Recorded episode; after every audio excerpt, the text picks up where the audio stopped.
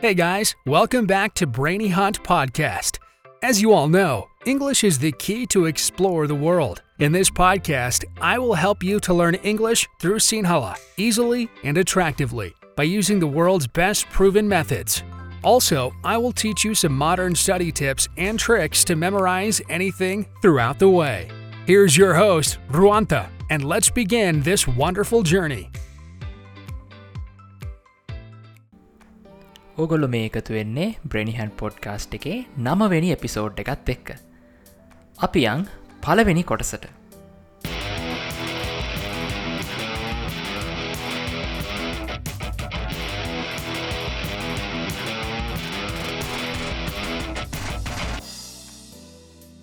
සුපුරදු පරිදිතින් ඔගොලු හැමෝම දන්නවා මේ කොටසිදි මොකක්ද වෙන්න කියලා මේ කොටසිදි වෙන්න අපි මොකක් හරි වර්ඩ් එකක් අරගෙන ඒ අපි කතා බහ කරනවා කොහොමද ඒක සෙන්ටෙන්ස එක හෙමත් නැත්තන් කන්වසේෂන් එක යෙදෙන්න කියලා.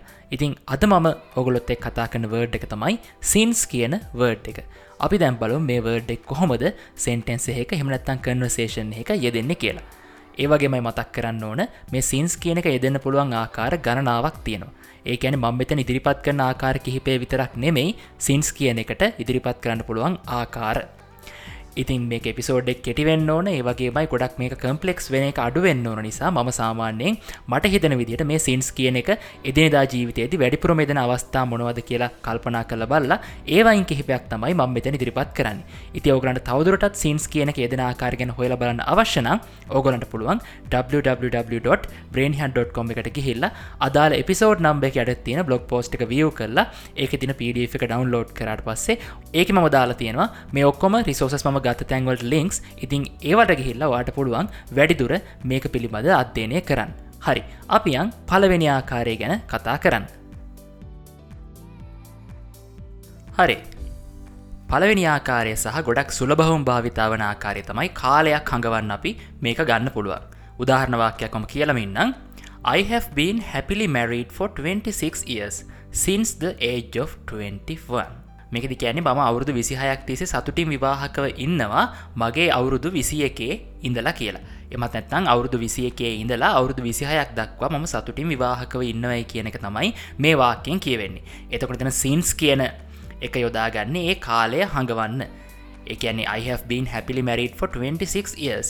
එකන මම සතුටින් විවාහකව ඉන්නවා අවුරුදු විසිහයක් තිස්සේ. Since the age of 21st 21 right. අවුරුදු විසි එකේ ඉඳලා අවුරුදු විසි එකේ සිට කියන එක අදහස් වෙන්න එතන සින්ස්වලින් හරි. අය මුදාහරණයක් ගමු කාලයක් හඟවන්නම. I have been learning English since 2010 ඒක යන්නේ මම දෙදස් දහය ඉඳලා ඉංග්‍රීසි ඉගෙන ගනිමින් ඉන්නවා කියලා. I have been learning English since 2010 හරි. ඒක දෙදස් දහය සිට කියලා එක කියන්න තමයි අපි සින්ස් කියන එක පාවිච්චි කරන්න. Since 2010 right. ඉතිං uh, මේ දෙකටම මම පොදුවෙන කාරණාවක් කියන්නම්. ඒ තමයි has to happen now should be continued from fast. ඒඇනේ මේ වෙනකොටත් ඒක වෙමින් තියෙන්න ඕන. ඒවගේම ඒක අතීතයේ ඉඳං වෙමින් තියෙන්න්නත් ඕන. දවදාහරනයක් විදිට I have been learning English since 2010 ඒක අනයා දෙදස් දහයිද තමයික ස්ටාර්ට් කරන තොට පාස්ට් එක. ත දෙදස් දහය දෙදස් එකොල්හා දෙදස් දොළහ ඔය කාර්දිත් ඒක වෙමින් තියෙනවා. ඒවගේ මයිදැන් දෙදස් විස්සෙදි මේ වෙනකොට ගන්නකොටත් ඔයා ඉංග්‍රීසි ගෙන ගන්න ඒගැන හැස්ට හැප නව් එකන මේ වෙනකොටත් මේක වෙමින් තියෙන් ඕන. ඒවගේම ශුඩ්බි කටිනියුට ෆ්‍රම් පාස්ට් ඒවගේම අතීතයේ ඉදන් තමයි මේක වෙමින් තියෙන්න්න ඕන. හරි. ඒකැන දැන්अර මම කියපු සින්ස් කියන එක දෙන ටයිම් එක දක්වන ආකාරයට අන්න ඒ කන්ඩිෂන් එක අදාළ වෙනවා. ඒැන දැන් වෙන්නත් ඕන අතීතය ඉදං එක කටිනිව වෙවී එන්නත් ඕන. රයි් දැන් අපියන් ඊළඟ ආකාරයට. හිතන් ඔයා ඊර අයිදං තාමකුත් කාලනෑ කියලා. එතකොට ඒක වාට කියන්න පුළුවන් I haven't eaten since last night. එකැන් ඊය රෑ ඉඳං මම තාම්මුකුත් කාලනෑ එතකොට එතන තියෙන නෙගටිවිටි ගතිය එකන ඒරයිද මතා මුකුත් කාල නැහැ කියලා කියන යක පොස්ටිය විදිහට නෙමේ කියන්නේ. යයි කර නෙගටව විදිර නිසාර නෙගටව් ගතියක් හඟවන සෙන්ටෙන්ස එකත් අපිට පුළුවන් මේ සින්ස් කියන එක යොදන්න. හැබැයි ඒකත් කාලයක් හඟවන්න තමයි එතන සින්ස් කියන එක යොදන්නේ. නමුත් ඒක සම්පූර්ණ අර්ථයෙන් නෙගටව් බවක් හැඟ වෙනවා එකැනි last night since last night කියන්නේ ඊය රෑ ඉඳලා. දවදාහරණයක් ඉදිර මට කියන්න පුළුවන් I haven't eaten since last night. But I'll eat after this lesson because right now I'm recording a podcast episode. E එකැනි ම දැන් පොඩ්කාස් එපිසෝඩ් එකක් රෙකෝඩ් කරනවා. මම එක රෙකෝඩ් කාට පස්සේ කන්නම් කියලා මට කියන්න පුළුවන්. ඒඇනේ මම ඒරයිදම් මේනකන් තාම්මකුත් කාල නැහැ. ඒත් මම දැන් ලෙසන එකක් රෙකෝඩ් කරන ගමන් ඉන්න. ඉතින් මම ලෙසන්න කිවරුණාට පස්සේ මම කන්නන් වගේ අයිඩිය එකක් තමයි ඒවාකෙන් අපිට අදහස් කරන්න පුළුවන් වෙන්න. හරි. ඊළඟට තමයි අපිට මේක සාමාන්‍ය විවහාරදිත් මේ සින්ස් කියන එක පාවිච්චි කරන්න පුළුවන්. හැබැයි ඒකෙත් කියන්න අපිට සිට. ඒකෙත් කාලයක් හඟවන්න තමයි මේක පාවිච්චි කරන්නේ. ගැන මුලින් බං කිව්ව කාලයක් හඟවන එක එක ආකාරයක් කියලා. නමුත්තර ඊළඟාකාර දෙකටත් එක සම්බන්ධ වෙන සින්ස් කියන එක මේ කාලයක් හැඟවීම හරහම තමයි. රයිට් ඊළඟ උදාහරණවාක්‍ය තමයි හිතන්න ඔයා ට්‍රවල කෙනෙක් හැබැ වාට මේ කොරන සිද්ධිය නිසා ඔයාට ට්‍රවල් කරන්න බැරුණ එහෙම අවස්ථාවක් අපිට කියන්න පුළන් මෙන්න මෙහෙම I haven't traveled around the country since last year එකැනි ගිය අවුරුද්ධ ඉඳ ළම මට රටවටා සංචාරය කරන්න බැරි වුණා. Right. I haven't traveled around the country since last year. හරි. අපිට මොකක් හරි කාලයක ඉඳලා එකැන කුමක් හෝ කාලයක සිට වෙන දෙයක් දක්වන්න අවශ්‍යනුතින් අපිට පුළුවන් මේ සින්ස් කියන එක ප්‍රධාන වශයෙන්ම භාවිතා කරන්න. හරි. ඔයා කාරතුන තමයි මම අද අරගෙනාවේ.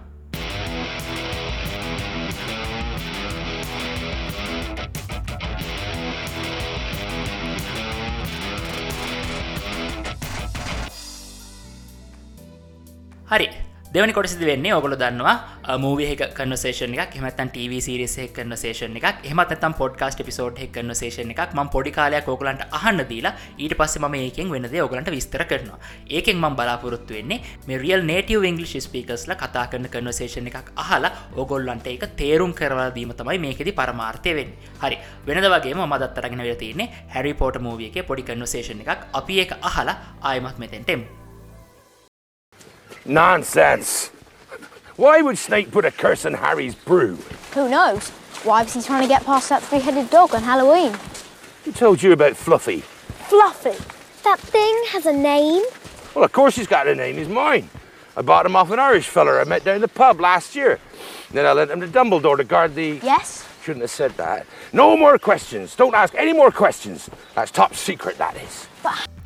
Hari, uh, Molly McKenna, nonsense. කියන nonsense why would Snape put a curse on Harry's broom රයි් මෙත නොන්සන්ස් කියනකට විධ තේරුම් තියව නමුත් ඕවා හිතන්න මලවිකාර. මලවිකාරයාමකොට දෙහෙම දෙයක් කරන රයි් නොන්සන්ස් කියලා කියන මලවිකාර. Why would Snape put a curse on Harry's broom එකැනෙ මොකටද ස්නේප් ශාපයක් කරන්නේ හැරීගේ කොස්සට? එකන්නේ අර ක්විඩිච් ක්‍රඩාවිදිය දෙන්න බ්‍රූම් එක උඩන කළ යන්න. ඉතින් එතකොට මේක හැග්‍රිඩ් හන්නේ හැග්‍රිඩ් හනවා මොකටද මේ ස්නේප් හරිගේ කොස්සට හැරිගේ බ්‍රෝම එකට ශාපයක් කරන්න කියලා. ඉට පස් කෙන හනෝස් හනෝස් කියන කවුද දන්නේ.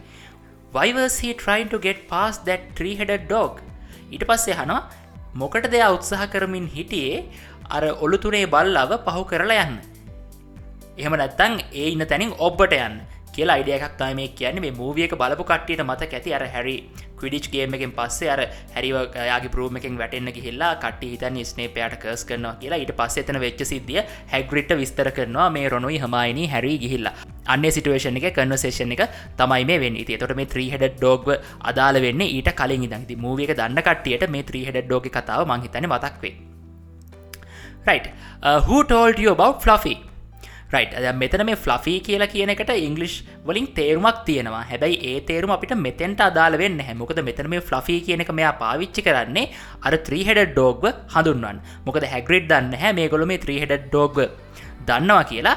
එනිසා හැග්‍රිඩ් හන හටෝල්ඩියෝ බව් ෆ්ලෆි ඉට පස්සේ අරගොල්ල හනව විශ්මය වගේ ෆ්ලෆී දැත්තිං හැසනේම් ඒකන ඌට නමුත් තියනවද? එහමනතන් ඒදට නමුත් තියනවද කියලා ගොල් විශ්මය වගේ හනවා ඉට පස හැග්‍රිට් කියෙන of කෝස් හි හැස නේම් හිස් මයින් ඉට පස් කියෙන අනිවාරයම යාට නමක් තියෙනවා. මොකද එයා මගේ. එමනතා වූ මගේ. ඌ කියලා කියනම් තන අයක හි කියල පාවිච්චික නිසා ඔහු මගේ. එයා මගේ කියලා තමයි කියන්න.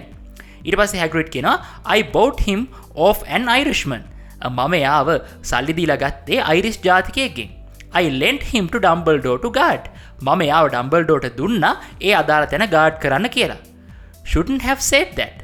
ඉට පස කියනවා නිගර වර්ධකාරී හැඟීමකින් ම හරිනගේක නොකියයුත්තක් තමයි මන්දැන් කිව කියලා. ඉට පස කියෙන නෝමෝකක්ෂන්ස් තවදුරට ප්‍රශ්න හන්නපා දැට් ස්ටොප් සේකරට් දැම්මගේ කිව්ව එකත් අතිශය රහසිගත් දෙයක් තමයි මම කිව්වේ. හරි. වාට දර වශය මම හිතනාව මේ කියපුදේ පැහැදිලි ඇති කියලා. හරි. ආයමත් ගිහිල්ලා දැන් අපිය කර්නසේෂන් එක අහලයිම් Nonsense. Why would Snape put a curse on Harry's brew? Who knows? Why was he trying to get past that three-headed dog on Halloween? Who told you about Fluffy? Fluffy. That thing has a name? Well, of course he's got a name. He's mine. I bought him off an Irish feller I met down the pub last year. Then I lent him to Dumbledore to guard the. Yes? Shouldn't have said that. No more questions. Don't ask any more questions. That's top secret, that is.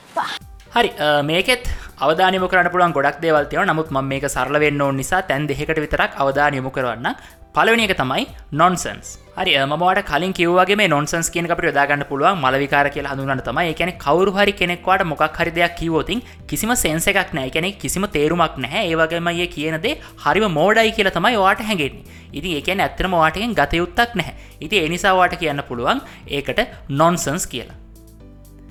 එක නිකයිකර ගණන් ගන්න එකට පොඩ්ඩක්ත් එක මයිම් කරන්න හමනත්තගේ කියපුදේ කිසිම පදනමක් නෑවක් හැඟවෙන්න වාට කියන පුල නොන්සන්ස් කියලා. එම අතට වාට පහන පුළ එක මොන විකාරයක්ද? What නොන්සන්ස් රයි් ඒක අපි සාමානය එක කෙනෙක්ට පාවිචිගන්න හොඳ වචනයක් නෙම ඒ තරම්. නමුත් අපිට පාවිචි ගන්න පුලන් හෙම පාවිචි කියලා ලොකු වැරදක් නැහැ. ඉතින් කවරු හරිවාට ඇවිල්ල මොකක් හරි කියනවන මේ දැන් හිතන්න ඔයාට යාලු කෙලෙකින මචන් ඒරෑම එලියට බැහලා ඉන්නකොට ම දැක්කන බං උඩින් යනවා මේ පිටසක් කොල යානයක්.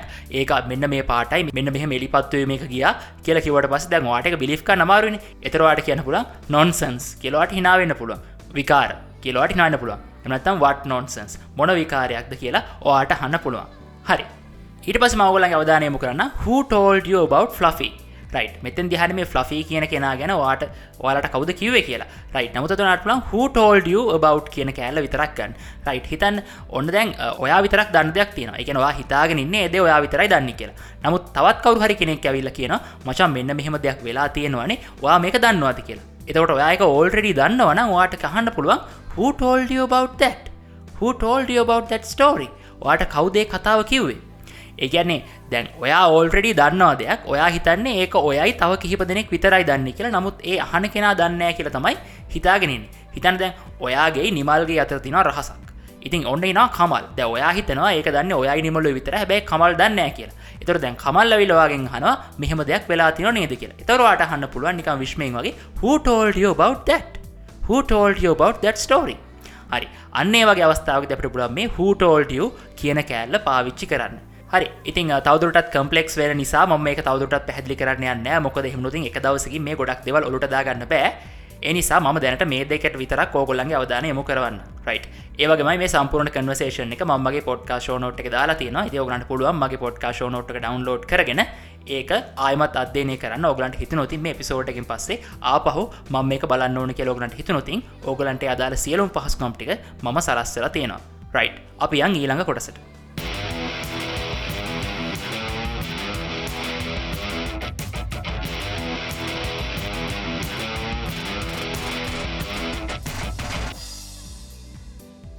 රයි් මේකොට සෙදි මගලන් සජස් කරනවා සෝන් එකක් අහන්න කියලා. හැබැයි අහනකොට ඕගොල ලිරික්සෝල්ටත් ඇටන්ෂන් එක පේ කරන්න ඕන. මොකද ගොඩක් වෙලාට ඉංගලි සෝන්ක්ල කියන සමහර වචන අපට තේරුම් ගන්න බෑ. එකසර ඇහුවට හරියට මොකද මෙතන කිව්ව කියලා. මොක දෙකොල එක වේගෙන් කියන්න පුළුවන් අමුතු විදිකට ප්‍රනවස් කරන්න පුළුවන්. හමතන්ගේ ක්සන්ට එක අපට අගර කලික් නොවෙන්න පුළුවන්. රයි් නමුත් ඒ ගති අපට මගෑරව ගන්න පුළුවන්. අපේ සෝන් එක අහන ගමන් ඒක ලිරික්සොල්ට අවධානයම කරති හරි. අද මංගෝගරන්ට සජස් කරන සෝන් එක තමයි වෙස් ලයිෆ් ලගේ ස්වය ඉට් අගේන් කියන සෝන් එක. හරි. ඉදි ඔගලට පුළුවන් ගිහිල්ල මේ නමුන YouTube එක සර්ච් කන් ලික්ස් කියන ස්තරහට දාලා තොටත්වට පුලන් හිපත් නත්තම් පොඩ්කා ෂෝනොට්ගේ ම ලින්ක දාලා තියෙන අදාල වීඩිය එකට. තියකුල මේ සෝන් එක අහන ගමන් ඒක ලිරික්ස් දිහාවටත් අවධානයමු කරන ගමන් ඒ සෝන් එක හන්න එතකොට ඕගලන්ට තේරෙයි මෙන්න මේ වචන ම මෙචරදව සිතන් හිටිය වැරදි. ඇත්තර මෙතැදි කියන මෙන්න මේ වචන නේද කියලා. හරි. අපියන් ඊළඟ කොටසට.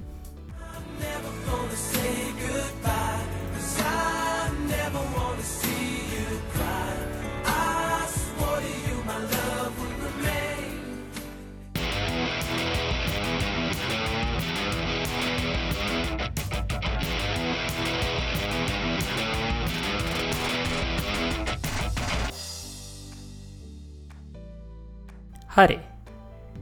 ඊළඟට තියෙන ඉන්ඩරෙස්ටිම්ම කොටසක්. ඒකෙද අපි කරන්නේ මමෝගොලන්ට කතාවක් කියයාගෙනවා ඉංගලිෂ් වලින්. හැබැයි ඒ කතාව අතරතුරදි මමෝගොලන්ට ඉන්ට්‍රප් කරලා මමෝගොල්ලන්ගෙන් ප්‍රශ්න හනවා ඉතින් මම මෙතැදි බලාපොරොත්තු වෙන්නේ මම මේ කතාව කියනකොට මංගේ කියනදේ තේරුම් අරං මං ප්‍රශ්නය හනකොට ඒ කියපුදේ තේරුම් අරං එක ප්‍රොසෙස් කරලා ඕගොල්ලො උත්තරයක් දෙන එක තමයි මං බලාපොරොත්තු වෙන්නේ. රයිට් ඕගොලො ගෙදරනං ඉන්නේ. අනිවාරයම දෙන උත්තරේ ශබ්දනගා ඇහෙන්න කියන්න. නමුත් ඔගොල්ලො පබ්ලික් පලේස් එක නං ඉන්නේ බස්ස එක වගේ යනගමක් නම් මේ පොඩ්කාස්ට එපිසෝඩ් එක හගෙන යන්නේ. ඕගොලො දෙන්න ඕන උත්තරේ හිතින් හරි හිතන්න. ඒක ගොඩක් වටිනවා. හරි. අපි දැන්යන් කතාවට. A long time ago, there was a king called Louis. What was the king's name? Louis. One day, he wanted to know what is there at the end of the world. About what was he curious?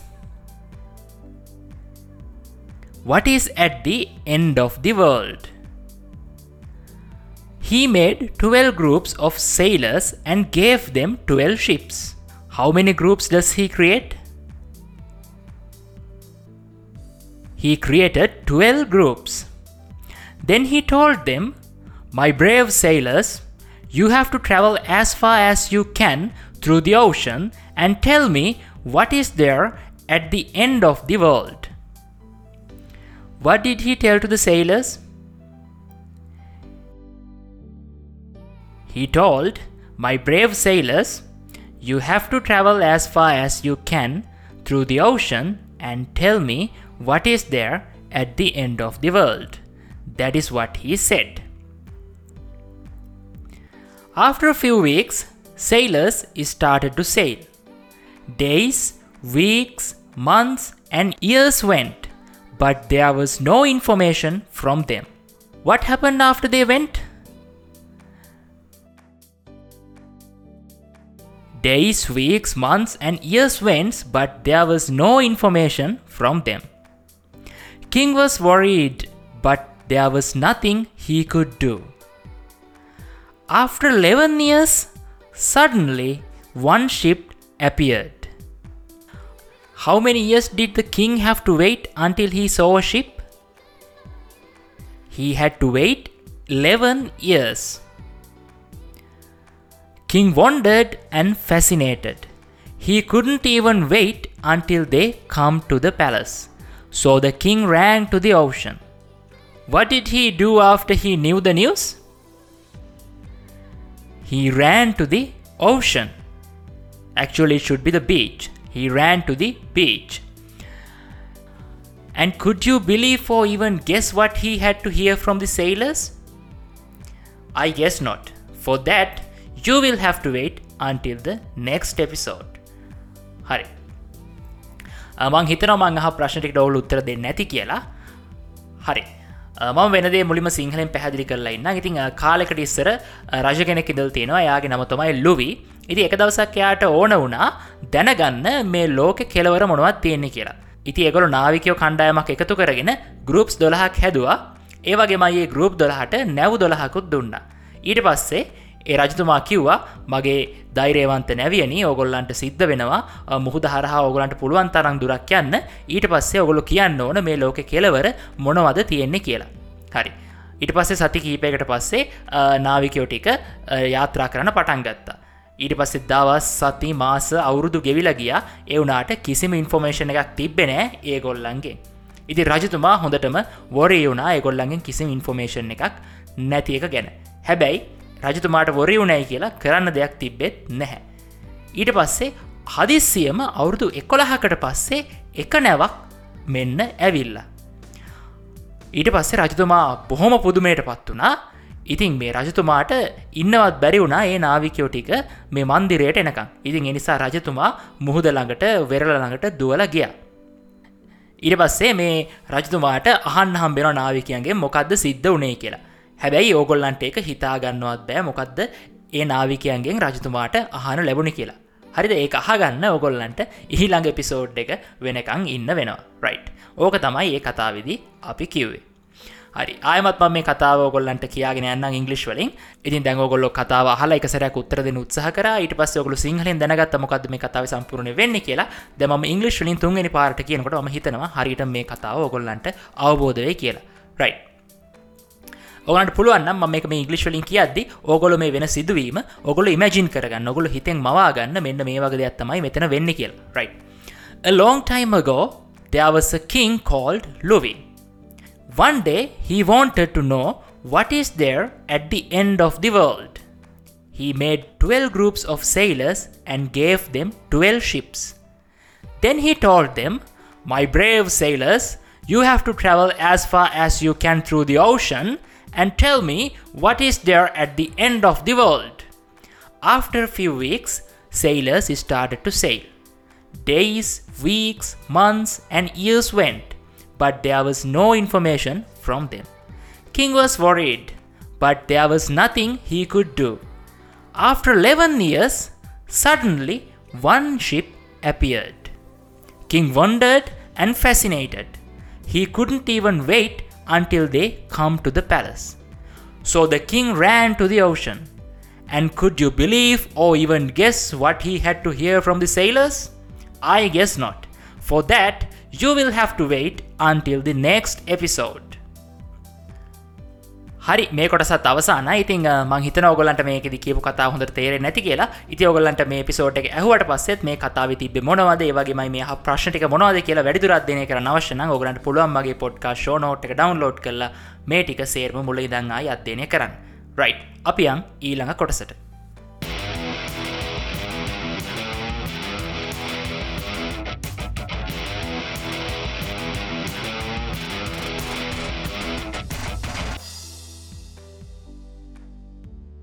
හරි අන්තිම කොටස පස්සනි කොටස. මේ කොටසදි වෙන්නේ මම ඔගොල්ලන්ට වචන පහක් දෙනවා ඔගොල්ලන්ගේ ොකැබ්ලරියකට ඇඩ් කරගන්න. ඉතින් මගේ වචන ප්‍රනවස් කරලා ඔගොල්ලන්ට පෙන්නවා ඒවගේමයි ඒ වචනේ යෙදෙන්න මොනවගේ තැනකද කියලා ම ඔගොලන්ට උදාහරණ වාක්‍යයක් දීලා පෙන්න්නනවා ඒ වචන තේරුම පැහැදිලි කරන ගම රයි් පලවෙනිවඩ් එක තමයි බැනිෂ් බැනිෂ් රයි් මේක වර්බ් එකක්. මේක තේරුම තමයි to send someone away especially from their country and not allow them to come back. හරි. දැව ගොඩක් කලාවට නීතිරෝධ ෝස්ට්‍රලියාවට හම ගයාට පස අපිට කියන පුළුව එකළඟ බැනිශ් කරන කියලා. එකන ගොළඟ ඒරටෙන් පිටුහල් කරන්න ඒවගේමයි ඒරට අපහය ගොලන්ට ඇතුළ එන්න අවසරත් නෑ ඒවගේමයි ඉස්සර රජකාලේ කවරුහරි දේශද්‍රෝහි වැඩක් කරට පස්සේ එයාවේ රටින් පිටුවහල් කළ දානවා. ඉතින් ඒ පිටුහල් කනට තමයි අපි බැනිශ් කියලා කියන් එතකොට යාට රට අපහ එන්නත් බෑ. යාවේ රටින් ගෙනහිල්ලා වෙනින් තැනකට ගෙනහිල දානවා. යාට අපහ රට ඇතුළීම තහනම්.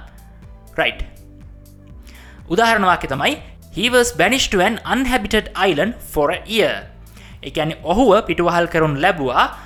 කුඩා අයිලන්ඩ එකට ඒකැන්නේ මනුෂ්‍යවාසයක් නැති එහමනත්තම් මනුෂ්‍යවාසිර සුත්සු නැති අයිලන්ඩ එකට අවුරුද්ධකට එකන මොක් හරි වැරදක් ඇතිතින් ඒ නිසා යාව පිටුවහල් කරන මනුෂ්‍යවාසිර සුත්සු නැති වගේ මනුෂ්‍යවාසයක් නැති දූපතකට අවුරුද්ධකට හරි. ඉට පස්සේ වර්ඩ තමයි බැරිකේඩ් බැරිකේඩ් මේක නවුන් එකක් ඒවගේම වර්බ් එකක් විදිරත් යොදාගන්න පුළුවන්. Right. මේක තේරුම තමයි a line or pile of objects put together. Often quickly to stop people from going where they want to go. හරි මෙතන මේ බැරිකේඩ්ඩෙක් කියලා කියන්නේ හරිට බැරිය එකක් වගේ දෙයක්. ඒ කියන්නේ හිතන්න මොක් හරි උදාහරණයක් විතර ගන්න. ඒ කියන්නේ ඔයාට කොහට යන්න ඕන. නමුත් ඔයාට යන්න බෑ. එතන තින බාධකයක්. හිතන් අපිට ඒක ගන්න පුලන් තාපයක් බඳනක ඉද ලනුවක් අදිනකරන අප මේ බැරිකේඩ් කියන ගන්න පුළුව උදාහරනයක් විදිට ඔයාට කොහට යන්න ඕන. නමුත් යන්න විදිහක්න ඇතන ලොක තාපයක් තියෙන රයි් ඉදිට ගන්න පුළ එක බාධකය සීමාව. ඔය වගේ අයිඩියයක් තමයි අපිට මේකෙන් ගන්න පුළුවන්. රයි් උදාහරණවාක්‍යයක් බලමු. They have built a barricade between themselves and the prison guards. හරි. ඒ ඇන ප්‍රිසන් ගාඩ්ස් ලයි ඒගොල්ලො අතර ඒගොල්ලො බාධකයක් නිර්මාණය කලා කියලා. හරි. ඊළඟ වර්ඩ් එක තමයි බ්ලෆ් බ්ලෆ් බ්ලෆ් කියලා කියන වර්බ් එකක්. මේක මිනින එක තමයි to deceive someone by making them think either that you are going to do something when you really have no intention of doing it. හරි. හිතන් ඔයාන ලොකු පාලමක් ළඟට. ඔයාගේ අලුත් එක් ඉතින් වා කියන ම මේ පාලෙන් පල්ල හට පයින් හදන්න මට හොඳ ජම්ප එකක් දාලා ඔගනට පෙන්න්න පුළුවන් කියලා ඔයා කියනවා. හැබැයි කියන්නේ යාලුවන් අවස්සන්න ඒවගේමයි ඔයාට කිසිම ඉන්ටේෂන් එකක් නෑ ඇත්තනම කිල්ලේ පාලමෙන් පල්ලහට පයින්. රයි අන්නේ වගේ වෙලාවට වගේ යාලුව හිතන්න පුළුවන් අහන්න පුළුවන් EC going to jump O EC only bluffin එයා ඇතරම් පයින්න දෙයන්නේ එහෙමත් නැත්තන් එයා කට කියවනවා විතරද? රයිට් දැන්වා හිතන ඇතරමගේ යාලුවක් මොක් හරිදයක් ලොකොට කියනවා යා හෙම දෙයක් කරන්න යනවා කියලා.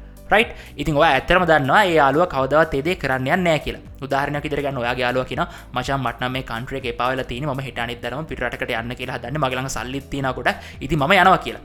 රයිටතින් වා දන්න මු ඇතරම කරන්න නෑ කියලා. එතකොට වාට හිතන්න පුළුවන්වාගේ හිතින් යා අයිනෝ හිස් බ්ලෆින් මන් දන්න යානිකන් කට කියවන විතර හැබ ඒද ඇතරම කරන්නෑ වගේ අයිඩියක් තමයි අපිට ඒකෙන් ගන්න පුළුවන්. ප්‍රයි් ඊළඟවට තමයි බ්‍රෑකිෂ් බ්‍රෑකිෂ් බ්‍රෑකිෂ් කියන්නේ ඇජෙක්ටව එකක්. එක තේරුම තමයි ස්ලයිත්ලි සෝල්ටි කියන එක. ඒ කියන මද වශයෙන් ලුණු ගතියයි කියන එක. එමත් නැත්තං අපිරිසිදුයි කියලා අපිට ගන්න පුළුවන්.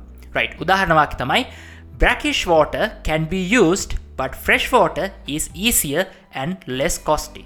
එකන අපිට මද වශයෙන් ලුණු සහිත වතුරුනත් පාවිච්චි කරන්න පුළුවන්. එහමනත් අපට අපිරිසු ජලය වනත් පාවිච්චි කරන්න පුළුවන්. නමුත් අපිට හොඳ වතුර පාවිච්චි කරන එක ලේසි ඒවගේම ඒකට යන මිලත් අඩුයි කියලා තමයි මේකෙන් කියන්නේ. රයි්. රයි් හිතන්නවා මොකක් හරි දෙයක් කරන්න හදන්නේ එකට වාට ජලය අවශ්‍ය වෙනවා ඉතින් හිතන්න ඔයාට හම්බෙන සෝස එක තියෙන්නේ මේ ඔයාට හම්බෙන ප්‍රභාවය තියෙන ටිකක් ලුණු සහිත ජලය හෙමත් නැත්තං අපිරිසිදු ජලය තමයි වාට තියෙන් ඉති එතකොට වාට කියන්න පුළුවන් මේ ප්‍රජෙක්් එකට brackish water can be used but fresh water is easier and less costly එකනවාට මේ මද වශයෙන් ලුණු තියෙන ජලය උනත් මේකට පාවිච්චි කන්න පුළුවන්. හැබැයි පිරිසිදු ජලය පාවිච්චි කරන එක ලේසි. ඒවගේම ඒකට යන වියදමාඩුවයි මොක දෙක පිරිසිදු කරන්න අවශ්‍ය නැති නිසා. රයි ඉට පස් අපට තින බ්‍රන්ඩිෂ් බ්‍රන්ඩිෂ් බ්‍රන්ඩිෂ් කියලා කියන වර්බ් එකක්. ඒක තේරුම තමයි to wave something in the air in a threatening or excited way. ඒක ඇනේ ඔයා වාතේ ඒකැන් ඔය අවකාශය මොකක් හරි දෙයක් වේව් කරනවා වනනවා. ඒක හැබැයි ඒක තර්ජනාත්මක ස්වරයෙන් හරි හෙමත් නැත්තම් ඔයා ගොඩක් උද්‍යෝගිමත් විදිහකින් හරි වෙන්න පුළුවන් උදාහරණවාකයක් තමයි She brandished a saucepan at me so I ran out of the kitchen. Right. ඒකදි කියන්නේ ඇය තර්ජනාත්මක ස්වරයෙන් මේ සෝස් පෑන් එකක් කරන් හට හට වන්න ගත්ත මගේ පැත්තර කරලා ඒ නිසා මම කුස්සියෙන් දුවලාව කියලා. රයි් ඔන්න වගේ තේරුමක් තමයි ඒකෙන් ගන්න පුළුවන්